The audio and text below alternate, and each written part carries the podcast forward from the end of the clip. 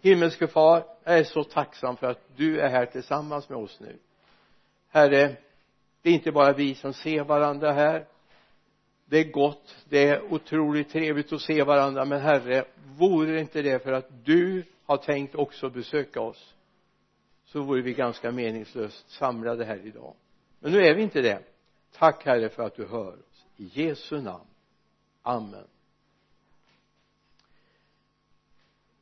Vi ska läsa några versar ur Matteus sjunde kapitel som pekar på två livsöden. Och då är bara frågan vilket av dem gäller mitt liv? Två livsöden som lyfts fram här. Från vers 22 nej 24 den som hör dessa mina ord och handlar efter dem liknar alltså en klok man som byggde ett hus på klippan. Regnet öste ner floden kom och vindarna blåste och kastade sig mot huset. Men det föll inte för det var grundat på klippan. De som hör dessa mina ord men inte handlar efter dem han liknar en dåre som byggde sitt hus på sanden. Regnet öste ner floden kom och vindarna blåste och slog mot det huset. Men det föll samman och dess fall var stort. Två livsöden två exempel på hur livet kan gestalta sig. Att i den här tiden när vi hör om katastrofala saker ifrån Ukraina så är det svårt att tala om att livsöden går i krasch men det är precis vad som händer nu.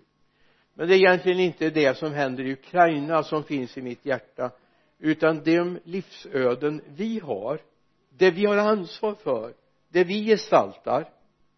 Och när vi när åldern kommer till eller vi står inför gränsen och flyttar ifrån den här världen vilken bild vill jag ha? Och vad ser jag framför mig? Vad ser jag framför mig? Ett kraschat liv eller ett liv som står stabilt därför det var grundat på kärleken från Jesus. Så ha med det. Vilken av de här bilderna vilken väg går du? Vad vill du med ditt liv? Den där dagen när livet håller på att rinna ut. När du tittar tillbaka tidigt i min predikantgärning så hamnade jag i en roll jag inte hade sökt, inte hade längtat efter. Men jag var sjukhuspastor blott dryga 20 år bara. Under några månader på ett sjukhus nere i södra Östergötland. Jag fick sitta vid den ena dödsbädden efter den andra. Ibland var det helt fantastiskt alltså de prisade Gud för sitt liv de tackade Gud för sina föräldrar de tackade Gud för sin församling de tackade Gud för sina nära och kära som hade burit dem i bön. Men jag satt också vid dödsbädden.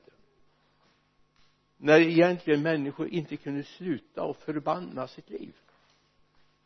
När de inte kunde sluta och förbanna sin släkt, sina familj jag försökte tona ner det men det, det, deras liv var så fullt av det.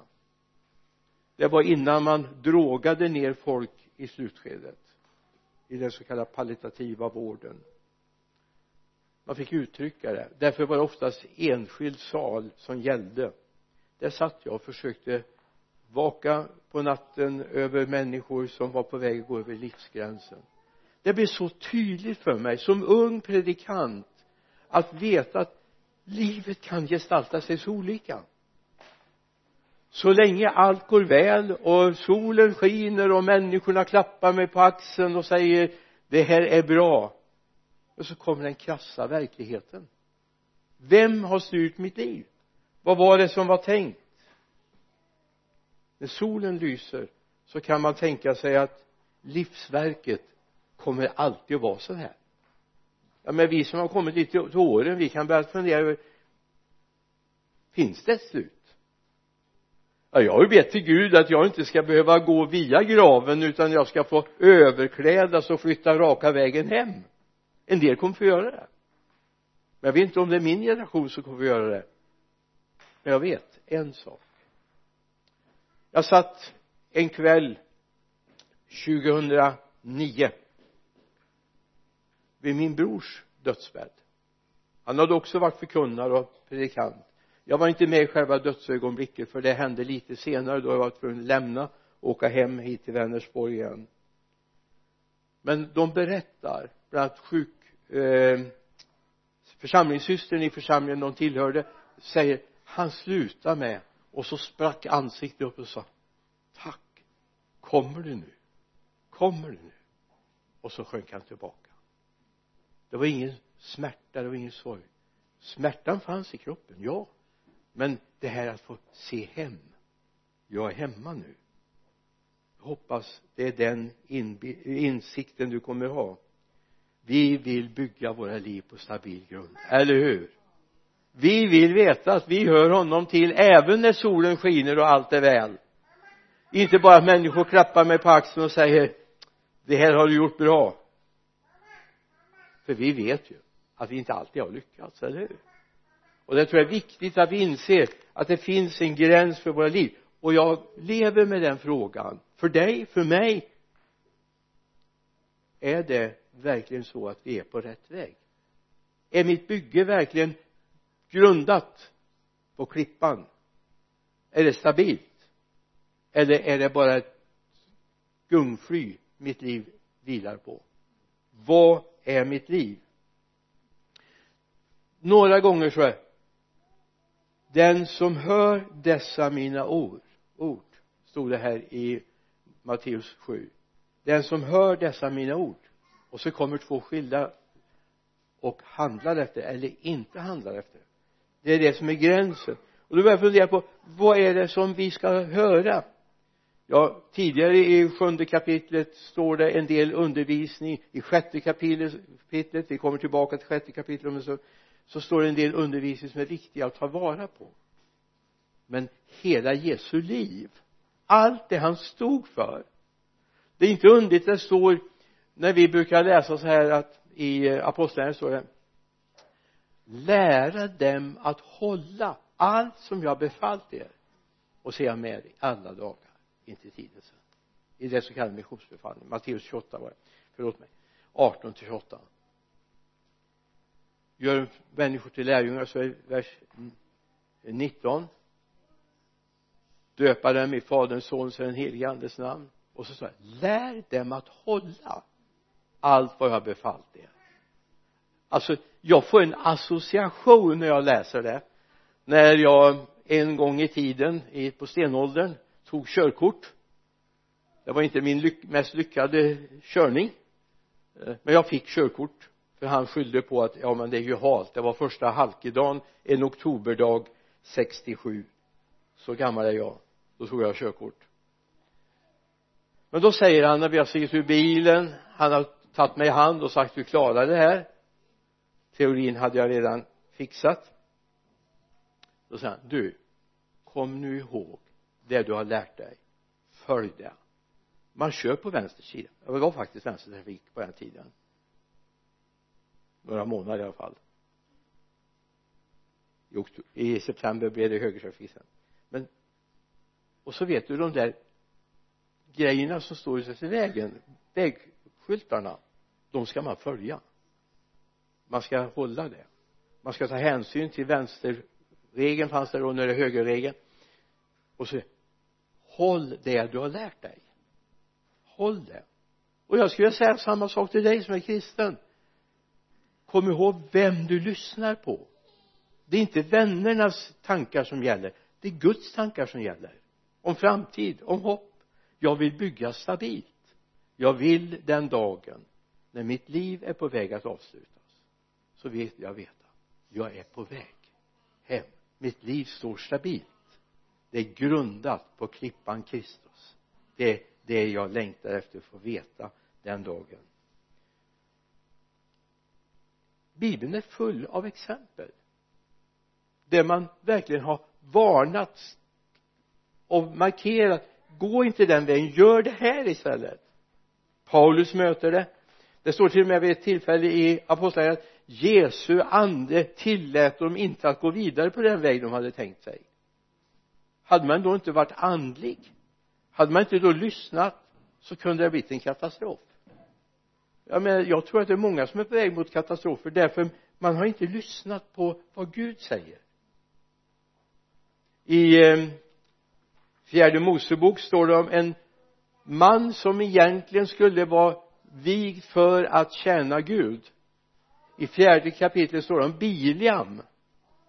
Biliam var en som försökte höra från Gud. Profet eller siare du får använda vilket begrepp du vill. Och jag ska bara citera det är från 22 versen till 32 versen. Jag ska inte läsa det här sammanhanget. Du kan ha det framför dig om du vill. Fjärde Mosebok ja. Eh, 22 fjärde, fjärde Mosebok 22 kapitel. Ja med början på vers 22 till 32 är ni med? Ja det är bra. Hoppas ni på skärmarna också är med eller vid skärmarna är med. Ni är inte på skärmarna förhoppningsvis utan ni är vid skärmarna. Den här mannen han är på väg och har fått en varning av Gud att inte lyssna på dem som kommer till honom. Ändå går han. Och så vid tre tillfällen hans åsna som alltid har lytt honom ena gången går han ut på åkern andra gången så trängs han mot en mur eller mot ett, eh, en trång port och nästa gång så är det mot en mur och så slår han tre gånger. Och då händer det som vi har lite roligt åt ibland. Åsnan börjar tala människospråk. Och talar om för honom ja men skulle jag inte då stanna när Herrens ängel står där med draget svärd? Och så öppnas Biliams ögon och så ser han att det står en Herrens ängel där. Jag vet inte om det är, vi ska skylla på att du inte har eh, någon åsna att rida på som ser och kan prata. Men det finns tillfällen där Gud skulle behöva ställa. Därför han vill inte ha ett raserat verk. Han vill att vi ska vara stabila i våra liv och veta att yes vi står stadigt på Guds eh, verk. Vi är, vi är vissa om vad han vill med våra liv hoppas du är medveten om att Gud vill någonting med ditt liv. Likaså när Paulus är på resa så helt plötsligt kommer han fram till att Herrens eller Jesu ande tillåter honom inte. Och då kan man tänka så här vi läser du har läst det här i i Filipperbrevet 16 kapitel står det om det. Apostlagärningarna, förlåt mig, apostlagärningarna 16 kapitel står det om det här. Och det är lite frustrerande egentligen därför att de hade planerat. Och så helt plötsligt säger Jesu ande nej ni ska inte ta den resan. Och så läser vi och så kommer vi fram till de kom ju till jätteproblem egentligen, eller hur? De kom till jätteproblem.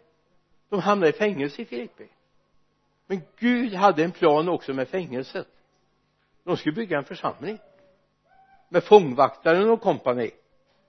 Och då var han tvungen att ta dem dit men ibland kan man tänka sig men, men kunde de verkligen hört från Gud?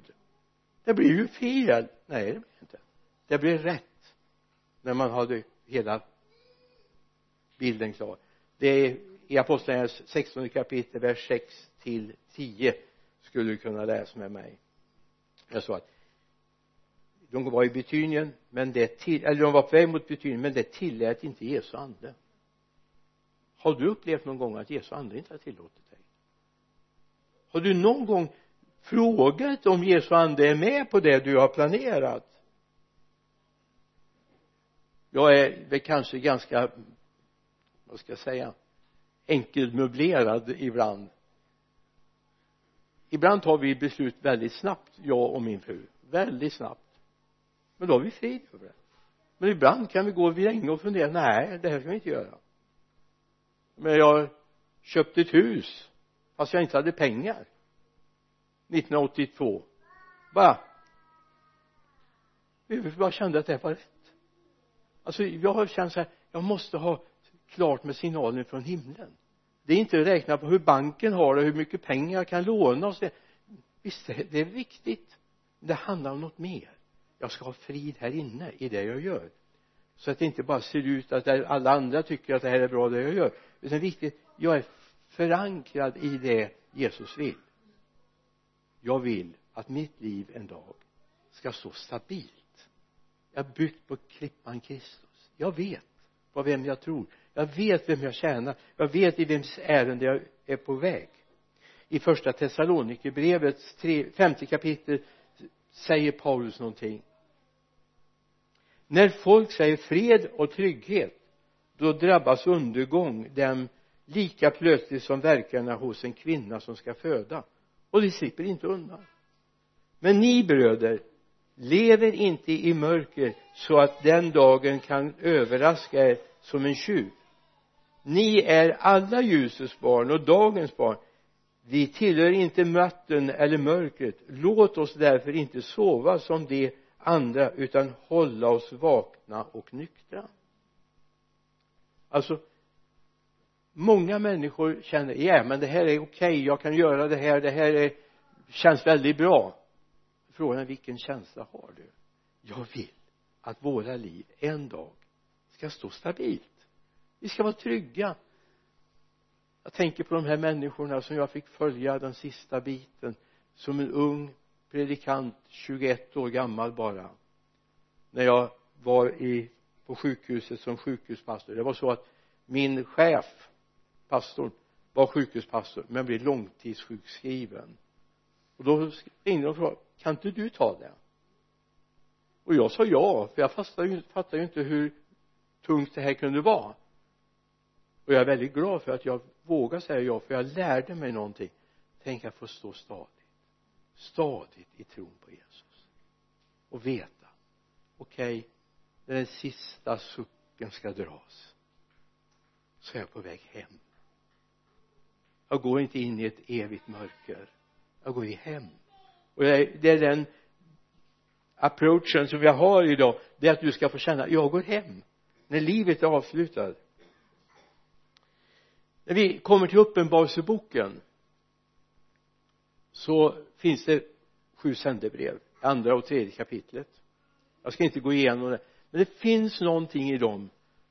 Det är församlingar som eh, Herren talar till som han skriver till.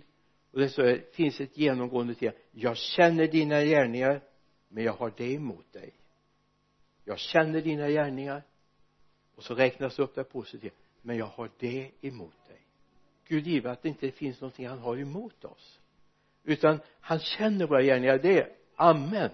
Jag har aldrig några problem med att Gud vet allt om mig. Icke. Det är så tryggt att veta att han har full koll på mig och vet precis vem jag är och vart jag är på väg. Men där i kapitlen 2 och 3 finns det sju gånger det här. Jag känner dig dina gärningar och jag har det här. Är det fördelar eller det är emot dig? Och gör på nytt de gärningar du en gång gjorde. Är liksom genomgående tema. Det är inte så att han straffar utan väcker.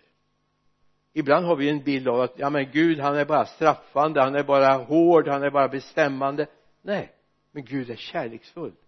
Precis som om du har ett barn som håller på att peta med båda fingrarna i vägguttaget så är du ju inte dum om du säger till eller hur? Utan de kan vara väldigt tacksamma att de har föräldrar som ser över ens liv, eller hur? Så är det. Jag vill att du ska vara trygg i din tro. Och då ska jag ta dig med till några bilder i gamla testamentet i Daniels bok alltså när jag var ung nykristen då älskade jag Daniel. Av hela mitt hjärta verkligen. Man sjöng ibland då jag vill vara som Daniel och så sjöng kvinnorna att jag vill vara som Rut jag menar Daniel är en bra förebild. Om du går till första kapitlet i Danielsboken ska du följa med mig i verserna 8 och 9 men Daniel bestämde sig i sitt hjärta för att inte orena sig med kungens mat eller med vinet som han drack. Och han bad första hovmarskalken att han skulle kunna ordna, eh, inte skulle behöva orena sig. Gud lät Daniel finna nåd och barmhärtighet hos första hovmarskalken. Så kommer lite problematik som men det står men Daniel bestämde sig i sitt hjärta för att inte orena sig. Alltså Daniel hade en chans han hade en upphöjd ställning han kunde verkligen levt livets glada dagar i upphöjdhet. Men han hade bestämt sig redan när han utsågs till den tjänst han skulle. Han hade bestämt sig i sitt hjärta. Och det är det det handlar om. Har du bestämt dig i ditt hjärta för att inte kompromissa med den här världen. Du har bestämt dig i ditt hjärta. Daniel hade gjort det. Och det ska visa sig när vi kommer vidare fram i Danielsboken. Kommer vi till tredje kapitlet läser vi om hans vänner Sadak, Mesa, Abednego. När vi läser sjätte kapitlet läser vi om Daniels prövning. Och vi eh, kan bara påminna innan vi kommer dit i Hebreerbrevets tolfte kapitel står det det är i nya testamentet i andra versen. Och låt oss ha blicken fäst på Jesus trons upphovsman och fullkomnare. Låt oss ha blicken fäst. Det är så mycket som vill ta vår uppmärksamhet som vill fånga vårt intresse. Går vi till Matteus 6 och 33 så står det nej sök först Guds rike och hans rättfärdighet så ska ni få allt det andra också. Om du läser i dess sammanhang vi kan gå till 25 versen före. Det står därför säger jag er bekymra er inte för vad för ert liv vad ni ska äta eller dricka eller för er kropp vad ni ska klä på er. Är inte livet mer än maten och kroppen mer än kläderna? Se på himlens fåglar. De sår inte de skördar inte och samlar inte i lador ändå föder er himmelske fader dem. Och så den, den sista meningen. Är inte ni värda mycket mer än det? Är inte ni värda mycket mer än det? Och nu kommer vi till vers 28 och varför bekymrar er för kläder se på ängens liljor. Hur de växer. De arbetar inte de spinner inte. Men jag säger er inte en Salomo i all sin prakt var klädd som en av dem. Om nu Gud som ger sådana kläder åt gräset som idag står på ängen och imorgon kastas i hur mycket mer ska då inte ni inte hur mycket ska hur mycket mer ska inte det då inte krä, inte ni klä så liten tro ni har? Alltså Gud har omsorg om oss. Alltså jag skulle vilja att du vågar säga nu i ditt hjärta Gud du har omsorg om mig. Och jag litar på dig. Gud har omsorg om dig. Är du viss om det? Har du känt det att Gud har omsorg om dig? Oavsett vad som händer Gud har omsorg om dig. Kommer Gud låta dig svälta? Nej. Kommer Gud låta dig vara naken? Nej. Gud har omsorg om oss. Frågan är bara vågar vi kasta oss på Gud? Vågar vi det? Eller är vi så fyllda av den här världens tänkande så vi vågar inte kasta oss på Gud? Det är viktigt att vi ser att Gud faktiskt har omsorg om oss det står någonting i Danielsboken igen tredje kapitlet det är om Adrak med Sadrak Mesa Abenego det är någonting som har tagit tag i mig. Vers 16 då svarade Sadrak Mesa Abenego kungen o Nebukadnessar vi behöver inte svara dig på detta. Om det blir så att så är vår Gud som vi dyrkar mäktig att rädda oss ur den brinnande ugnen och ur din hand och konung. Men om inte så ska du veta o konung att vi ändå inte dyrkar dina gudar och att vi inte tillber gudar guldstatyer som du har ställt upp. Vi kommer inte göra det. Varför då? Gud är viktig. Det är det som är viktigt att vi får tag i. Gud. Gud vi, vi står på dig. Oavsett vad som händer. För det är så här livet är ju bara en del. Alltså livet här på jorden är bara en del av vår tillvaro. Det kommer en evighet också. Och jag är viss om att jag är på väg mot en evighet tillsammans med Gud. Så frågan är hur viktig är Gud för oss? Hur viktig är grunden för oss? Är det, byggnaden att det är snabbt kommer upp och blir mäktigt eller är slutet också viktigt? Slutet också viktigt. I en församling jag tjänade så hade vi en byggmästare i gemenskapen. Han var i den här gamla skolan. Där fick man inte gräva grunden med grävmaskin inte. Nej nej de förstör de sa det ska handgrävas. Den sista metern ska handgrävas och är det morän är det lera så kan det vara ganska tufft att gräva en meter för ett hus. Han var noga för det skulle stå stadigt. Du vet han sa jag lever nu. Det här huset ska stå när mina barnbarn lever också. Jag lever nu. Men huset ska stå även när mina barnbarn lever. Jag tror det är viktigt att vi har en sån inställning. Mitt liv är nu men jag vill också i evigheten få vara tillsammans med honom och prisa honom. Sök Guds rike först och hans rättfärd så sträcker jag mig också efter det övriga det Gud har lovat i sitt ord. Det är viktigt att vi får tag i det att vi vet vi hör honom till. Daniel kastade sin lejongrop egentligen mot kungens vilja. Han försökte rädda honom men han hade uttalat någonting som gjorde att han kunde inte svika det. Han vågade inte missa det. I sjätte kapitlet verserna 16 till 23 26 till 27 kan du läsa. Så står det om hur han var trygg.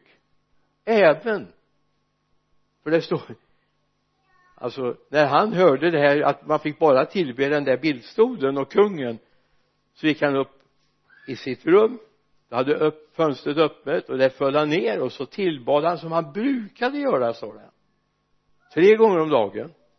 Riktad mot Jerusalem. Han var i Babel. Det var en bit bort men han hade riktat sitt fönster mot mot eh, Babel. Eller mot Jerusalem. Och så bad han till Gud. Och det gjorde han även nu när han hörde det här. Gud du hör det här de har på, hittat på nu. Nu ropar jag till dig. Och så kommer man in och så tar man dem till fånga och så hamnar han i en lejongrop men Gud bevarade honom och tillslöt lejonens gap så de kunde inte röra honom. Har vi en sån Gud? Har vi en sån Gud? Vågar du tro att det finns en sån Gud? Ja det är frågan om vi vågar tro det. Att Gud faktiskt har en sån Gud och att du faktiskt är en av hans tjänare. Amen. Vågar du tro det jag tittar inte på min klocka här. Det är så roligt att se er så jag tappar tiden lite grann hoppas ni skriver i kommentarsfältet också så jag efteråt kan se vilka som har varit med här. När livet rasar samman runt omkring. För det gör det. Det gör det. När tryggheten rasar var har vi då vår trygghet? Personligen skulle jag kunna travestera på orden i eh, Josua 24 kapitel vers 15 den har jag gjort till någonting av en nyckelvers i mitt liv under många år. Josua 24 vers 15 men om ni inte vill tjäna Herren så välj idag vem ni vill tjäna. Antingen de gudar som era fäder tjänade på andra sidan floden eller de gudar som dyrkas av amorerna i vilkas land vi bor. Och så kommer en sista rad. Men jag och mitt hus vi vill tjäna Herren. Vi vill tjäna Herren. Den här sista raden stod på en tavla i ett hem av en medlemshem i min första församling. De var eh, familjehem för Stockholms ungdomar som har kommit på sned i livet. Och de hade det precis när man kom in i entrén och de säger många socialsekreterare studsade till. Alltså jag och mitt hus vi vill tjäna Herren. Med stort H. Och versaler. Alltså det var det första som mötte när man kom in i det hemmet. Det ludinska hemmet i Mora. Så såg jag men jag och mitt hus vi vill tjäna Herren. Och vid fikabordet vart det många samtal med socialsekreterare från Stockholm som började fundera vad är det här för något kristet hem vi har kommit till? Vad är det för religiöst hem sa de. Vad är det för religiöst hem? Och de berättade om sin tro på Jesus och vad den betyder för dem och sina barn. En och annan tog väl tillbaka möjligheten att få ha barn där andra tyckte vad bra här finns en trygghet för våra barn. Vi och vårt hus vill tjäna Herren. Skulle det kunna stå som en devis över din ditt liv? Och det skulle kunna stå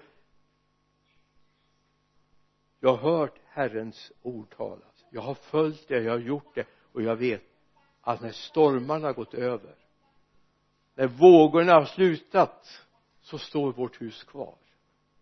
Det kommer att komma vågor det kommer att komma frågesättningar det kommer att vara saker jag frågasätter. Men Gud är det här meningen? Är det här nej det är det inte. Men Gud finns där ändå. Vem litar vi på? Det är en fråga jag har. Vem litar vi på? Och välj idag vem du vill tjäna med ditt liv. Och vem vill du tjäna? Gud eller pengarna? Känner du Gud eller känslorna? Det, det är så viktigt vi får tag i det. Gud vem är Gud för mig? Vem är Gud för mig?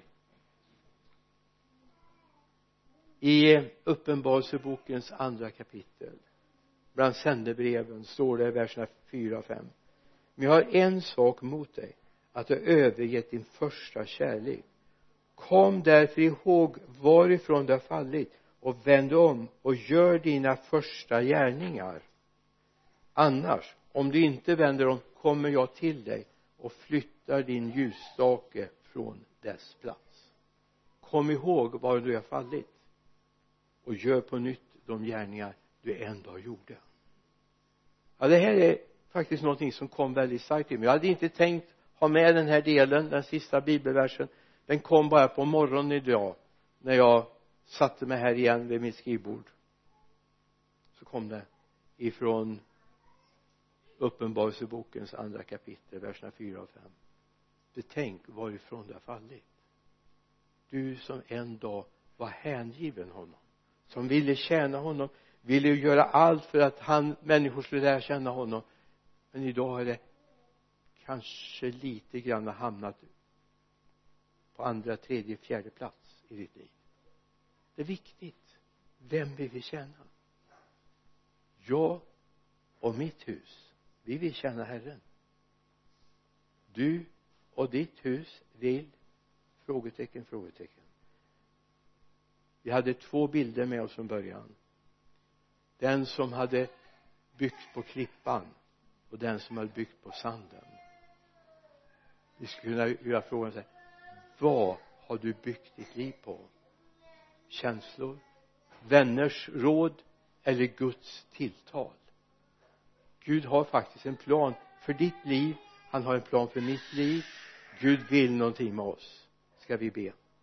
Himmelske far jag bara tackar dig för att vi får landa i dig fader den här efter kvällen eller dagen. Fader jag bara ber att vi får landa i det du vill med våra liv. Tack Jesus för att du vill välsigna resten av den här stunden tillsammans och tiden vid matborden. Herre låt det få bli en rik stund för oss allihop. Jag ber en uppbyggelsestund. Jag ber i Jesu namn. Och herre när det här livet en dag rinner ut. Herre så vill vi stå stadigt. Vi vill höra väl gjort du gode och trogne tjänare. När du var satt ur det som ringa var var du trogen. Gå in i din herres glädje herre det är vår längtan. I Jesu namn. Amen.